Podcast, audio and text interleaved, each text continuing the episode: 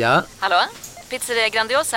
Jag vill ha en Grandiosa capriciosa och en pepperoni. Haha, något mer? Med kaffefilter. Ja, Okej, ses samma. Grandiosa, hela Sveriges hempizza. Den med mycket på. Hej, Synoptik här. Visste du att solens UV-strålar kan vara skadliga och åldra dina ögon i förtid? Kom in till oss så hjälper vi dig att hitta rätt solglasögon som skyddar dina ögon. Välkommen till Synoptik. CSRD. Ännu en förkortning som väcker känslor hos företagare. Men lugn, våra rådgivare här på PWC har koll på det som din verksamhet berörs av. Från hållbarhetslösningar och nya regelverk till affärsutveckling och ansvarsfulla AI-strategier. Välkommen till PWC.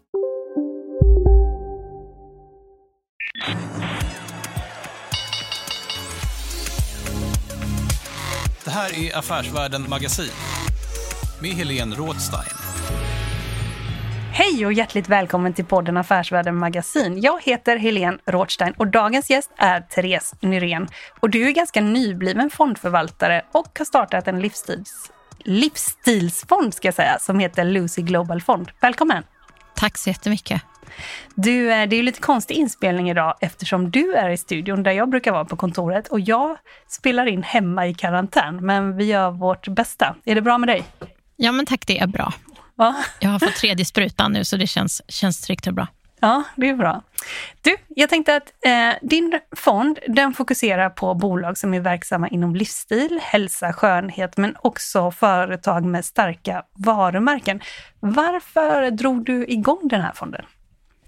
Jag har jobbat i finansbranschen i 20 år inom både kapitalförvaltning och rådgivning och tyckte väl inte att det fanns en fond där man investerar i, ja, men i livsstil, det är skönhet, det är eh, hälsa, olika trender helt enkelt. Så jag bestämde mig för att starta den.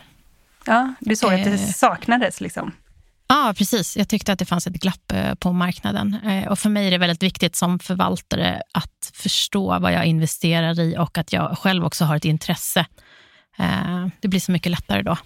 Mm. Ehm, det finns ju en rad stora skönhets och lyxbolag i fonden, men ett som jag tycker saknas i den ligan, det är skönhetsjätten LVMH med varumärken som Louis Vuitton och Kenzo och Fendi. Och eh, jag bara tänkte, när man ser på dina andra innehav så känns det som att eh, LVMH hade platsat. Men eh, innan vi faktiskt går in på vad du har för innehav, varför inte LVMH? Eh, Anledningen till att jag inte har LVMH, det är att de heter ju Louis Vuitton Moët Hennessy och jag investerar inte i alkohol. Så det är anledningen. Eh, jag kan inte heller investera i Dior till exempel, som ägs eh, delar av LVMH. Eh, jag, ett av mina favoritbolag också som jag tyckte väldigt mycket om, eller gör det fortfarande, är ju Tiffany. Men eftersom jag har, har bolaget en omsättning som är mer än 5% i alkohol så kan jag inte investera och det är på grund av hållbarhet helt enkelt. Det, det platsar inte in där, eller? Eh, Precis, så här är det. Att, eh, det finns någonting som heter SFDR, eh, som är Sustainable Finance Disclosure Regulation. Ja. Och det är EU, då, eh, första förordningen, som har som mål att eh, man ska helt enkelt omdirigera kapitalflödet mot en mer hållbar finansiering. Så då kategoriserar man fonderna i artikel 6, artikel 8 och artikel 9.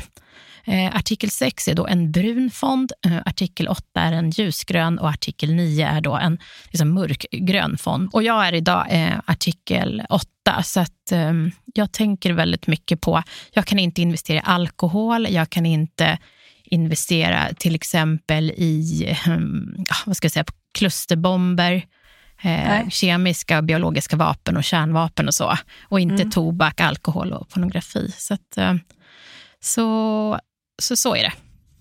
Okej, så det, det har blivit så därför helt enkelt. Ja. Ja, exakt. Ja. Eh, men största innehavet as we speak, vilket är det? Ja, det är eh, faktiskt eh, Prada.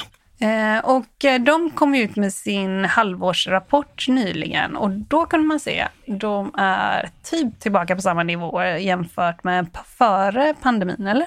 Ja, precis. Eh, det, stämmer, det stämmer bra. De Eh, deras försäljning ökade med 41 procent och de var 8 procent över 2019 års eh, nivåer. Så att, eh, Prada har ett bra eh, momentum just nu och rent tillväxtmässigt så har de legat efter eh, de lite större märkena som LVMH. Men eh, jag tror att faktiskt att eh, Prada är här för att stanna. Ehm, jag tycker att det är, det är ett eh, ja, men bra, bra bolag. Ehm, det är mellanklassen av lyxbolag skulle jag säga.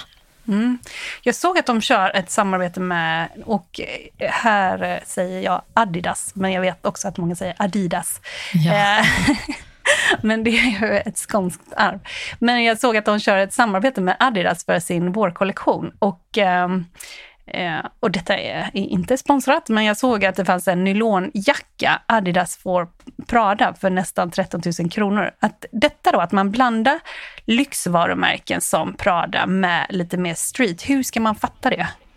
Alltså, jag tror det handlar väldigt mycket om att de här lyxvarumärkena, de förstår ju att eh, de yngre generationen kanske inte vill ha den här eh, traditionella, vad ska jag säga, fina eh, kläderna. Utan om man tittar på många artister i USA till exempel, så, så har ju de kanske mycket Adidas och då kombinerar man Prada med Adidas. Och, ja, många hiphoppare, de tjänar ju väldigt, väldigt mycket pengar och de vill liksom lägga sina pengar på ja, schyssta grejer, men de kanske inte vill liksom klä sig i schyssta kostymer eller har allt för vad ska vi säga, eh, businessväskor eh, eller eh, sådana saker. Så att jag tror att det är ett sätt för de här lyxvarumärkena att hitta liksom en helt ny målgrupp. Nå ah. den yngre målgruppen. Ja, vad kul. Eh, vad heter det? Innan vi går in på fler av de här stora globala skönhetsjättarna, så du har ju en del eh, exponering i svenska bolag. Det är Humble Group, Lyko, Revolution Race och Swedencare.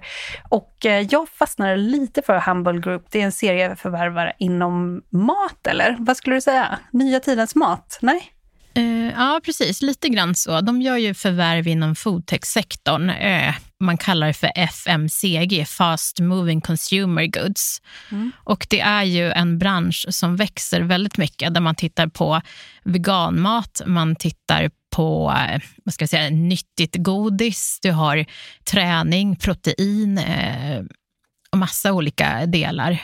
så där, det här är ett bolag som har eh, en stark förvärv, eh, vad ska jag säga, strategi framöver. För mig var det så att jag tittade på Draknästet och fastnade ganska mycket för Vellibites. Ja. De gör nyttigt godis och ja. Eh, jag såg det Sara.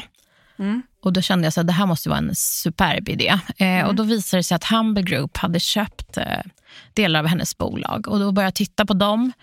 De har ju bland annat eh, märket eh, Pandy till exempel. Ja. Det är också så här nyttigt godis, nyttiga bars. Ja. Eh, de har gjort tandborstar av bambu till exempel. De har även Tweak Sweets, eh, Oj Soja, det är vegetariskt och veganskt märke.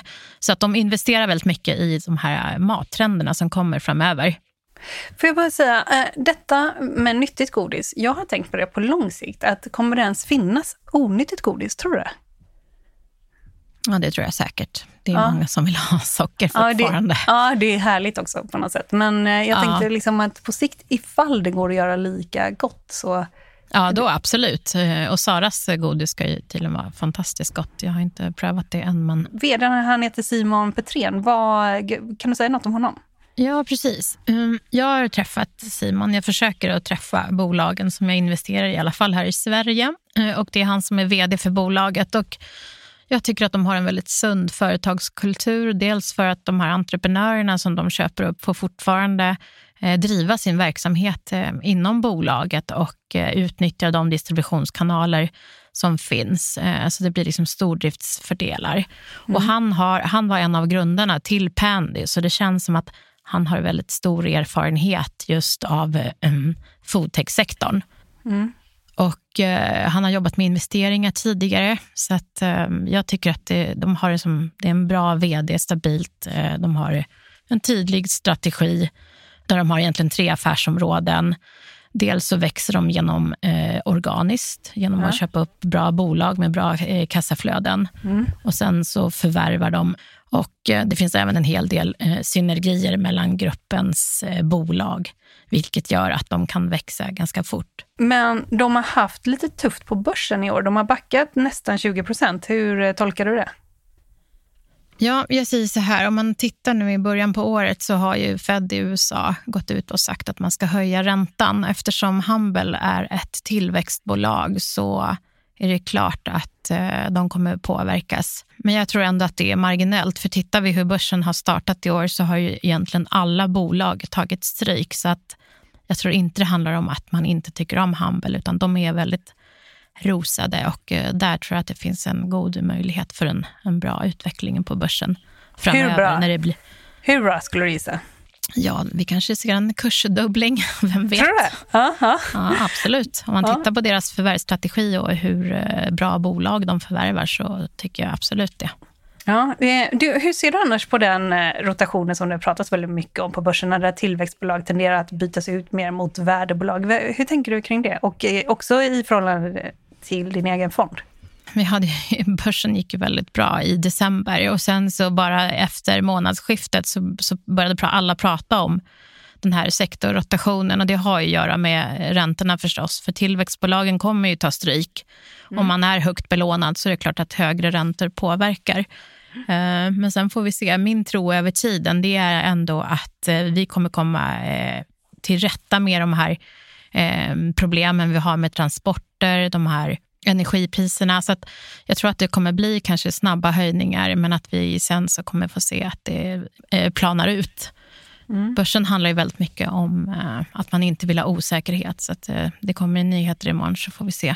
Du, du, Eh. tror, du tror inte det här är någon börskrasch eller så? Som, Absolut, nej det tror nej. jag inte. Utan tittar man historiskt sett tillbaka så brukar ju januari vara lite halvstökigt. Så att, eh, jag ser inte det här som en börskrasch utan jag ser det som en sättning i marknaden och många eh, bolag har kommit ner till liksom bättre nivåer. Så jag tror att det är nyttigt. Och jag bara tänker, om jag utgår från min egen fond så de flesta av mina bolag skulle jag säga är värdebolag.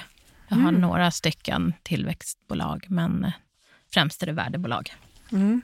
Eh, och eh, hur då menar du? Alltså varför är de det? Eh, för nu har vi pratat om Humble Group och vi har ju några andra, så här Roblox, och vi kommer komma in på lite senare tänkte jag. Men eh, v- vi- vad skulle du säga, varför är de värdebolag? Eh, Tittar du på Nike till exempel, så är ett av mina innehav, det är ett stort bolag som har eh, starkt, eh, vad ska jag säga, de har bra ordentliga kassaflöden. Eh, det är inga teknikbolag utan eh, de har, eh, ja, men de har bra produkter som de säljer och sen är det ju klart att de påverkas ju under corona men många av bolagen kommer med liksom bra rapporter. Så jag skulle, jag skulle säga att jag inte investerar i tillväxtbolag utan mer stabila värdebolag.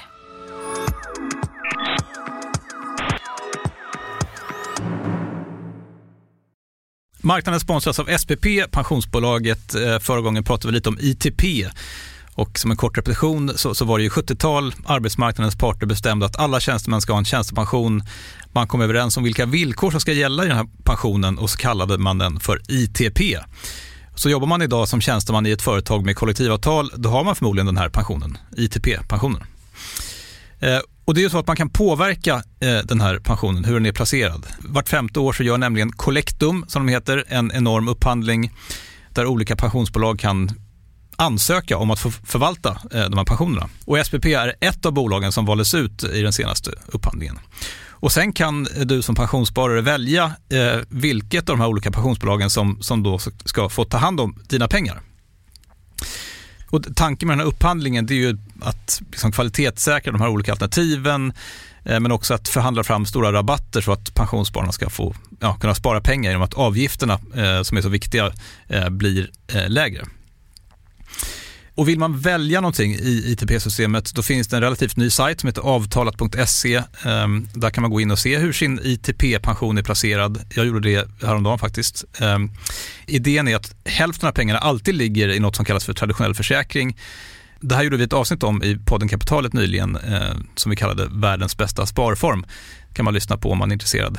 Eh, den andra halvan eh, den kan man också lägga i en traditionell försäkring eller så kan man placera det i något som kallas för fondförsäkring. Eh, SPP som sagt eh, var ju ett av de fåtal bolagen som valdes ut i den senaste upphandlingen och de finns med som alternativ både med en traditionell försäkring och med eh, fonder. Så det var en liten bakgrund till ITP-systemet. Vill man läsa mer om det här eller typ kolla hur ITP-pensionen är placerad, eh, kanske göra förändringar, då går man in på avtalat.se. Eh, men tack säger jag till SPP som vill göra oss människor mer medvetna om hur enormt viktig pensionen är för oss som en framtida lön, men också som en positiv kraft i samhället eh, och förstås för att ni möjliggör eh, den här podden Marknaden. När man går in på en taxfree avdelning på en flygplats så kan man ju tro att det är väldigt många olika företag som är där på en och samma marknadsplats. Men i själva verket så är det ju liksom ett fåtal aktörer som har ja, men som har mm. platsen på hyllorna.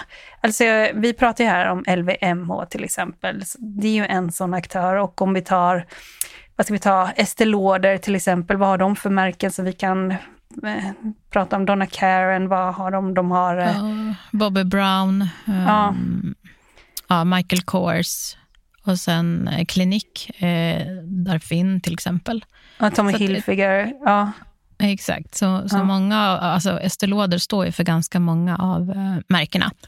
Ja, eh, och eh, hela branschen, den branschen, lyxskönhetsbranschen om man säger så, den globala, den har ju verkligen konsoliderats på, ja, jag vet inte, de senaste, vad är det, 20-30 åren kanske. Ja, eh, håller den trenden i sig? Jag tror på sikt att den fortsatt eh, kommer hålla i sig. Dels för att eh, efter corona här nu så är det många av de här bolagen som har haft problem och eh, de större bolagen ser då en möjlighet att kanske kunna köpa lite mindre märken till bättre värderingar. Mm. Så, att, mm. så det, ehm, det tror jag faktiskt att det kommer vi fortsätta se. Och det börjar väl med att LVMH, det var de som satte mm. igång den trenden från början? Va? Ja, precis. Det var Bernot. Eh, eh, han gick ut och sa att um, han skulle sätta ihop flera märken under ett och samma paraply.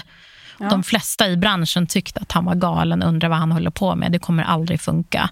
Mm. Och titta nu liksom var vi är idag. Det är ju så hela de här tillväxtstrategierna. Många jobbar ju så inom olika områden. Så att, um, det är bara att titta på Caring till exempel, som jag har, uh, som har både Gucci, Balenciaga ja, med flera. Så att, uh, det där tror jag kommer fortsätta, absolut. Mm. Mm, det är något som är här för att stanna. Liksom. Ja. Eh, vad, vad, finns det för risker med just eh, lyxkonsumtion när man går in i en lågkonjunktur? Kan lyxbolagen parera en sämre konjunktur? Absolut, det tror jag. Om man tittar på just lyxbolagen så dels deras kunder är oftast väldigt rika och de rika mm. blir inte fattigare. Mm. De är inte lika priskänsliga. Eh, och tittar man globalt sett så det är klart att olika länder kan ha olika konjunkturer. Så jag skulle säga att de här bolagen klarar sig relativt eh, bra ändå under eh, lågkonjunktur för att det påverkar inte som den, liksom, den stora massan så där, eh, jättemycket. Det har tidigare varit drivet ganska mycket av kinesiska konsumenter väl, alltså, som mm, har precis. upptäckt de här märkena. Exakt, och det, det som jag tycker är intressant där, det är att den kinesiska konsumtionen av lyxprodukter, den fortsätter att växa. Så under förra året så ökade konsumtionen med 36 procent till 73,6 miljarder dollar. Det är alltså motsvarande 678 miljarder kronor. Du förstår ju hur stor den här branschen är. Eh, den kan vara lite underskattad så, men det är verkligen en jättestor eh, bransch och den är här för att stanna. Om man tittar liksom på trender inom skönhetsindustrin så lägger man ungefär 330 miljarder dollar på parfym, kosmetika och skönhetsprodukter. Och det här blir bara liksom större och större och vi blir ju fler. Eh, så. Tycker du att de är för dåligt genomlysta på börsen så generellt eller? Alltså, jag kan tycka kanske i, eh, eller jag tycker i Sverige så tenderar vi att prata väldigt mycket om teknik, vi pratar mycket om industri, men just de här eh, ah, livsstilsvarumärkena får inte så mycket plats i, de, ja, ska säga, i svenska media. Så där, där tycker jag verkligen att eh, man skulle fokusera lite mer på de här typerna av bolagen både genom analys men också skriva om dem. För det är liksom spännande områden som växer väldigt mycket. Jag tänkte på att en stor del av skönhetsindustrin det handlar om varumärken. Och jag tänkte vi ska prata lite mer om varumärken sen. Men ett av dina innehav, eh, Interparfums, man kan säga att de köper upp licenserna till kända varumärken inom parfym, typ Karl Lagerfeld, Jimmy Choo och sådär.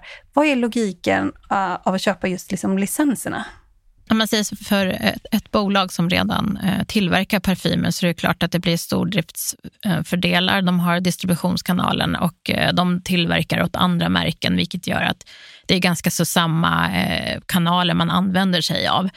Och Det är också liksom en del av konsolideringen där man ser att man samlar allting under samma tak, att det blir eh, mer effektivt för bolagen. Och kan man se det inom andra branscher också? Alltså Eh, så är det. Ehm, ett av mina andra bolag som jag har, det är Movado Group eh, och där är, tillverkar man klockor. bland annat Hugo Boss, Tommy Hilfiger, Lacoste. Så det är den här trenden som går mer mot ägda licenser eh, som spänner över flera områden skulle jag säga. Och vi har även Essilor Luxottica. De är stora inom glasögon bland annat. Ja, de gick också in här vid Synsams notering, eller hur? Eller? Japp. Ja, ja, precis. Det gjorde de. Men, men ja, säg, det stavas Essilor Luxotica ungefär. Ja, precis. Eh, men kan du inte berätta lite mer om dem? De har ändå blivit ägare till svenskt eh, börsnoterat bolag här. Ja, mm, Essilor Luxottica är en av världens största varumärkesleverantörer på glasögon, linsteknik och har en väldigt stor distribution. Man tittar väldigt inom linsteknologi. Eh, där jobbar man bland annat med Nikon för att distribuera teknologier för att ja, konsumenterna ska utveckla ögonvården. Och, ja, de är i framkant helt enkelt. Alltså sen, Nikon eh, kamera? Ja, kamera. exakt. Ja, precis. Ja. Ja. precis. Och sen så eh, har de glasögon. Eh, många kända. Prada, Ralph Lauren, Tiffany, Polo bland annat. Och sen så har de eh, också linser. Då, då, Och då pratar jag om Lensway till exempel. Mm. De äger också eh, Ray-Ban. De äger bolaget Grand Vision som äger faktiskt Synoptik som är en konkurrent till Synsam. För Essilor äger 6% av Synsam. Eh, och jag tror att anledningen till att man gick in där det är att Synsam har många fysiska butiker i Sverige och man ser möjligheten att kombinera både butik och e-handel. Mm. Eh, vilket är väldigt bra. Mm. Intressant. Eh, hela liksom verksamhetsområden. Eh, liksom alla. Ja, ja, precis. Men du, om vi tar de här, liksom, när vi pratar om skönhet fastighetsbolag och deras varumärken. Nu var jag inne på eh, glasögon, men det är också många varumärken där ju. Eh, en trend är att de utmanas utav influencers på bred front. Alltså tidigare har man ju haft kanske influencers som har marknadsfört eh, olika produkter och det har man ju fortfarande. Men det som man har sett eh, på senare år, det är ju att så influencers som eh, Kim Kardashians, de har ett eget, tar fram ett eget sminkmärke. Man har Kaja Cosmetic med Bianca Ingrosso i spetsen eller Kylie Jenner med Kylie Cosmetics och sådär. Och eh, hur ser du på det person, liksom influencers Eh, och deras varumärken kontra de här etablerade varumärkena i skönhetsbranschen. Ja, om man tittar i skönhetsbranschen så sociala medier har ju verkligen ex eh, exploderat och de influencers som har haft många följare eh, kapitaliserar ju genom att starta upp egna skönhetsmärken. Och det, det är bara som du säger, titta på Bianca till exempel. Hon fick väl ungefär 200 miljoner för sitt bolag. Så att, eh, och det här tror jag att de traditionella bolagen också såklart börjar titta på, för de förstår ju att den yngre generationen, de vill känna, eh, de vill känna en relation till de eh, produkter som de ska köpa. Så att, där är det väldigt viktigt tror jag, att man hänger med och man ska verkligen inte underskatta sociala influencers och sociala medier. Det är en oerhört viktig kanal. Ja, och jag tror också om vi ska sätta några i en kontext där, så om vi tar då Jenner till exempel, hon har ju över 300 miljoner eh, följare. Och om man ser vad Bianca gör så är det ju väldigt likt eh, mm. det som hon har gjort också eh, med eget sminkvarumärke. Alltså det är ju ingenting som, man, det är ingenting som hopp, liksom poppar upp av en slump, utan det är ju en global trend kan man väl Ja, precis. Ja. Men absolut. Nej, men så, så, är det ju verkligen. Och det, jag tror att det, är, det kommer ju mer och mer. Det är bara att titta på Ida Warg till exempel Hon ja. hade väl sålt för var det 100 miljoner på hennes eh, brand. Så det handlar, ja. handlar väldigt mycket om social branding. Förlåt, ja. personal branding. Ja. Ja, men också social kanske inte är helt fel. Ja, eller? nej, precis. Nej, exakt. Nej. Så att jag tror att många bolag behöver börja titta på att de måste finnas i sociala medier och förstå vikten av det, för annars är det svårt att komma ut med sina produkter.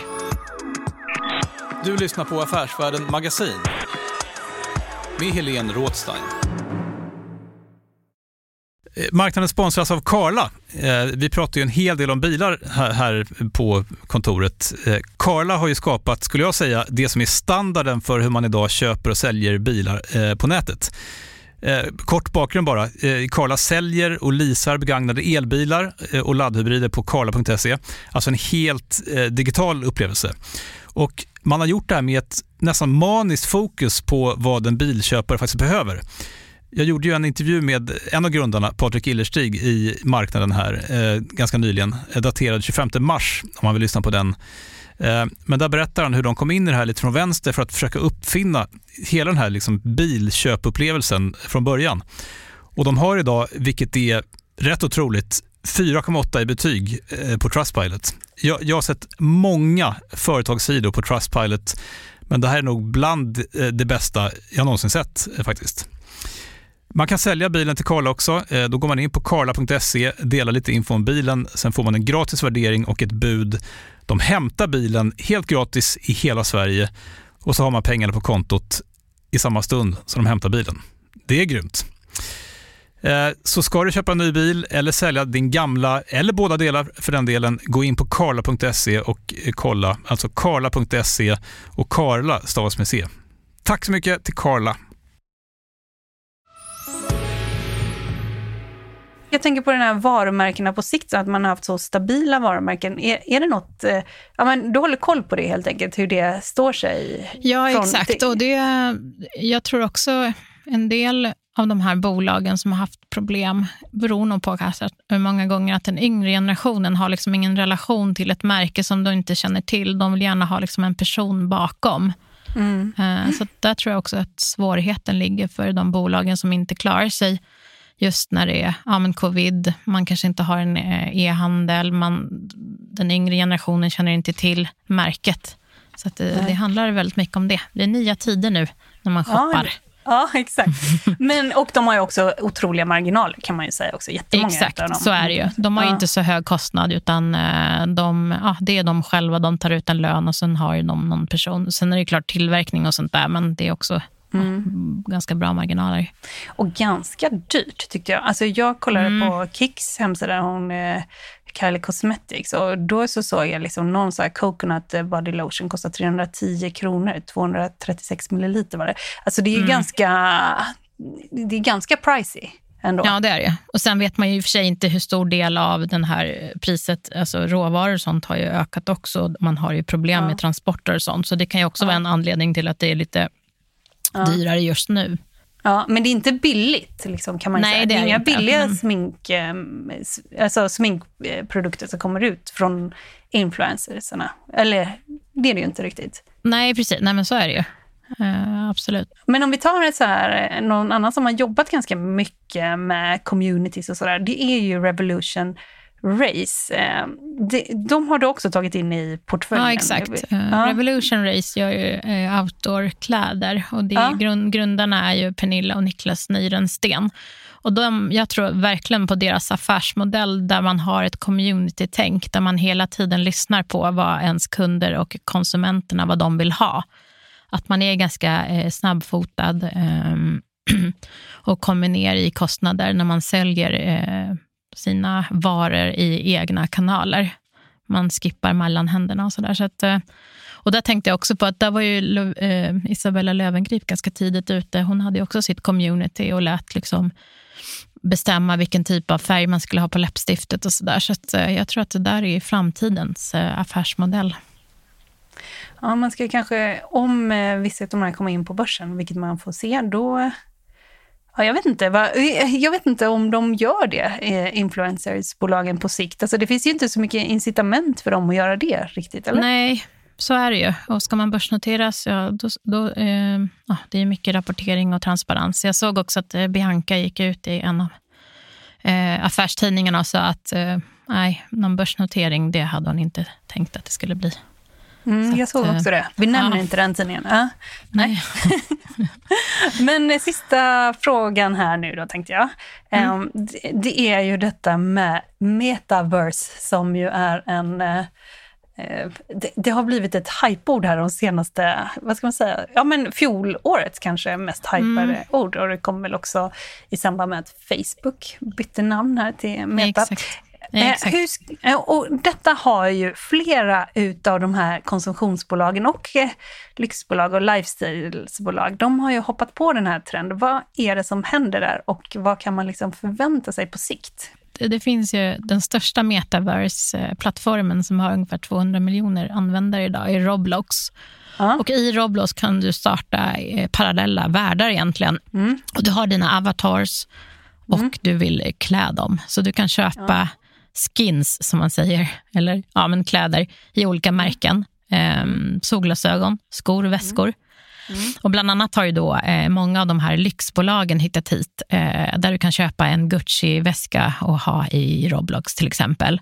Och sen så Nike bland annat har startat ett Nikeland. Så när du går in i Nikeland så ser du alla olika typer av skor runt omkring dig och så kan du också beställa de här skorna. Eh, så det är, lite, det är faktiskt jättespännande. Och tittar man på det här affärsområdet så tror man att det kommer vara värt cirka 50 miljarder dollar 2030. Så att det är ett område som man verkligen ska titta på. Eh, och jag tycker att man får en bra exponering även, ja, via, via Roblox till exempel eller eh, andra eh, lyxvarumärken. Ja, jag fattar. För att då är det så här, eh, vi tänker att man ska klä sig själv i en fysisk värld, eller man har attribut för en fysisk värld. Eller vi, eller jag bara då, tänker ofta så. Eh, men eh, också att eh, nu i, eh, ja, där man kanske är mest, spenderar mest tid egentligen, eller träffar sina vänner oftare och sådär, då har man också liksom, man Ja, klär exakt. sig och, Ja. och sådär med andra attribut. Och det är intressant, och då har de, de har varit ganska snabba med att haka på det. Ja, absolut. Ja, jo, men så Ja. är det. Många av de här lyxbolagen har det är en helt ny, ett helt nytt affärsområde. Så tittar du på lyxbolagen, då kan du dels investera du kan, du kan investera i aktien, du kan investera också i saker fysiska för att du köper till exempel en väska som har ett bra andrahandsvärde. Och Ja, nu kan det. du till och med gå in och köpa väskan i Roblox till exempel. Ja, det tar aldrig slut. Nej. Du, jag vet att du hade velat starta igång din fond ganska länge eh, och du väntade på att det här skulle komma ett tillfälle. Jag lurade dig och sa att det var sista frågan förra. Nu kommer sista. Eh, du, sen så kom du igång och sen så kom med liksom ett ras här något halvår efter du hade startat. Hur tänker du kring det? Jo, eh, angående min fond så startade jag den i juli 2021 förra året och eh, i november så var jag bäst i, i hela Sverige och slog index med 13 procent. Så det var ju fantastiskt. Men nu har vi haft en eh, sättning här på marknaden och jag ser det inte som en börskrasch utan jag ser det i tillfälligt. Eh, Jag tror att vi kommer få en uppgång här framöver för det är ändå inte så mycket som har ändrats. Tycker jag. Det är överdrivet. Vi får se vad som eh, händer. Men jag säger tack till dig, Therese eh, Nyrén, för att du var med i podden Affärsvärlden Mag- Magasin. Och tack för att du kom till studion och eh, hade tålamod med att jag satt här hemma i min källare. Ja, men tack så jättemycket Helene och jättekul att få vara här. Tack. Ja, tack. Tack så mycket. Hej. Hej. Du har lyssnat på podden Affärsvärlden Magasin med mig, Helene Rothstein, som idag har intervjuat Therese Nyrén. Och eh, den här podden, den är tillbaks om en vecka. Håll ut! Hej då!